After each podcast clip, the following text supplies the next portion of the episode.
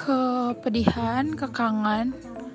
Gue yakin semua orang punya masa ketika dulu dia terjebak pada relationship yang salah gitu dan dia bertahan pada orang yang salah dan kali ini gue bakal sharing dengan teman gue tentang uh, toxic relationship di mana sekarang ini banyak banget anak-anak muda yang asli bucin parah Makanya kita pengen ngebahas gimana caranya untuk keluar dari sana dan mengatasinya. Jadi tungguin aja.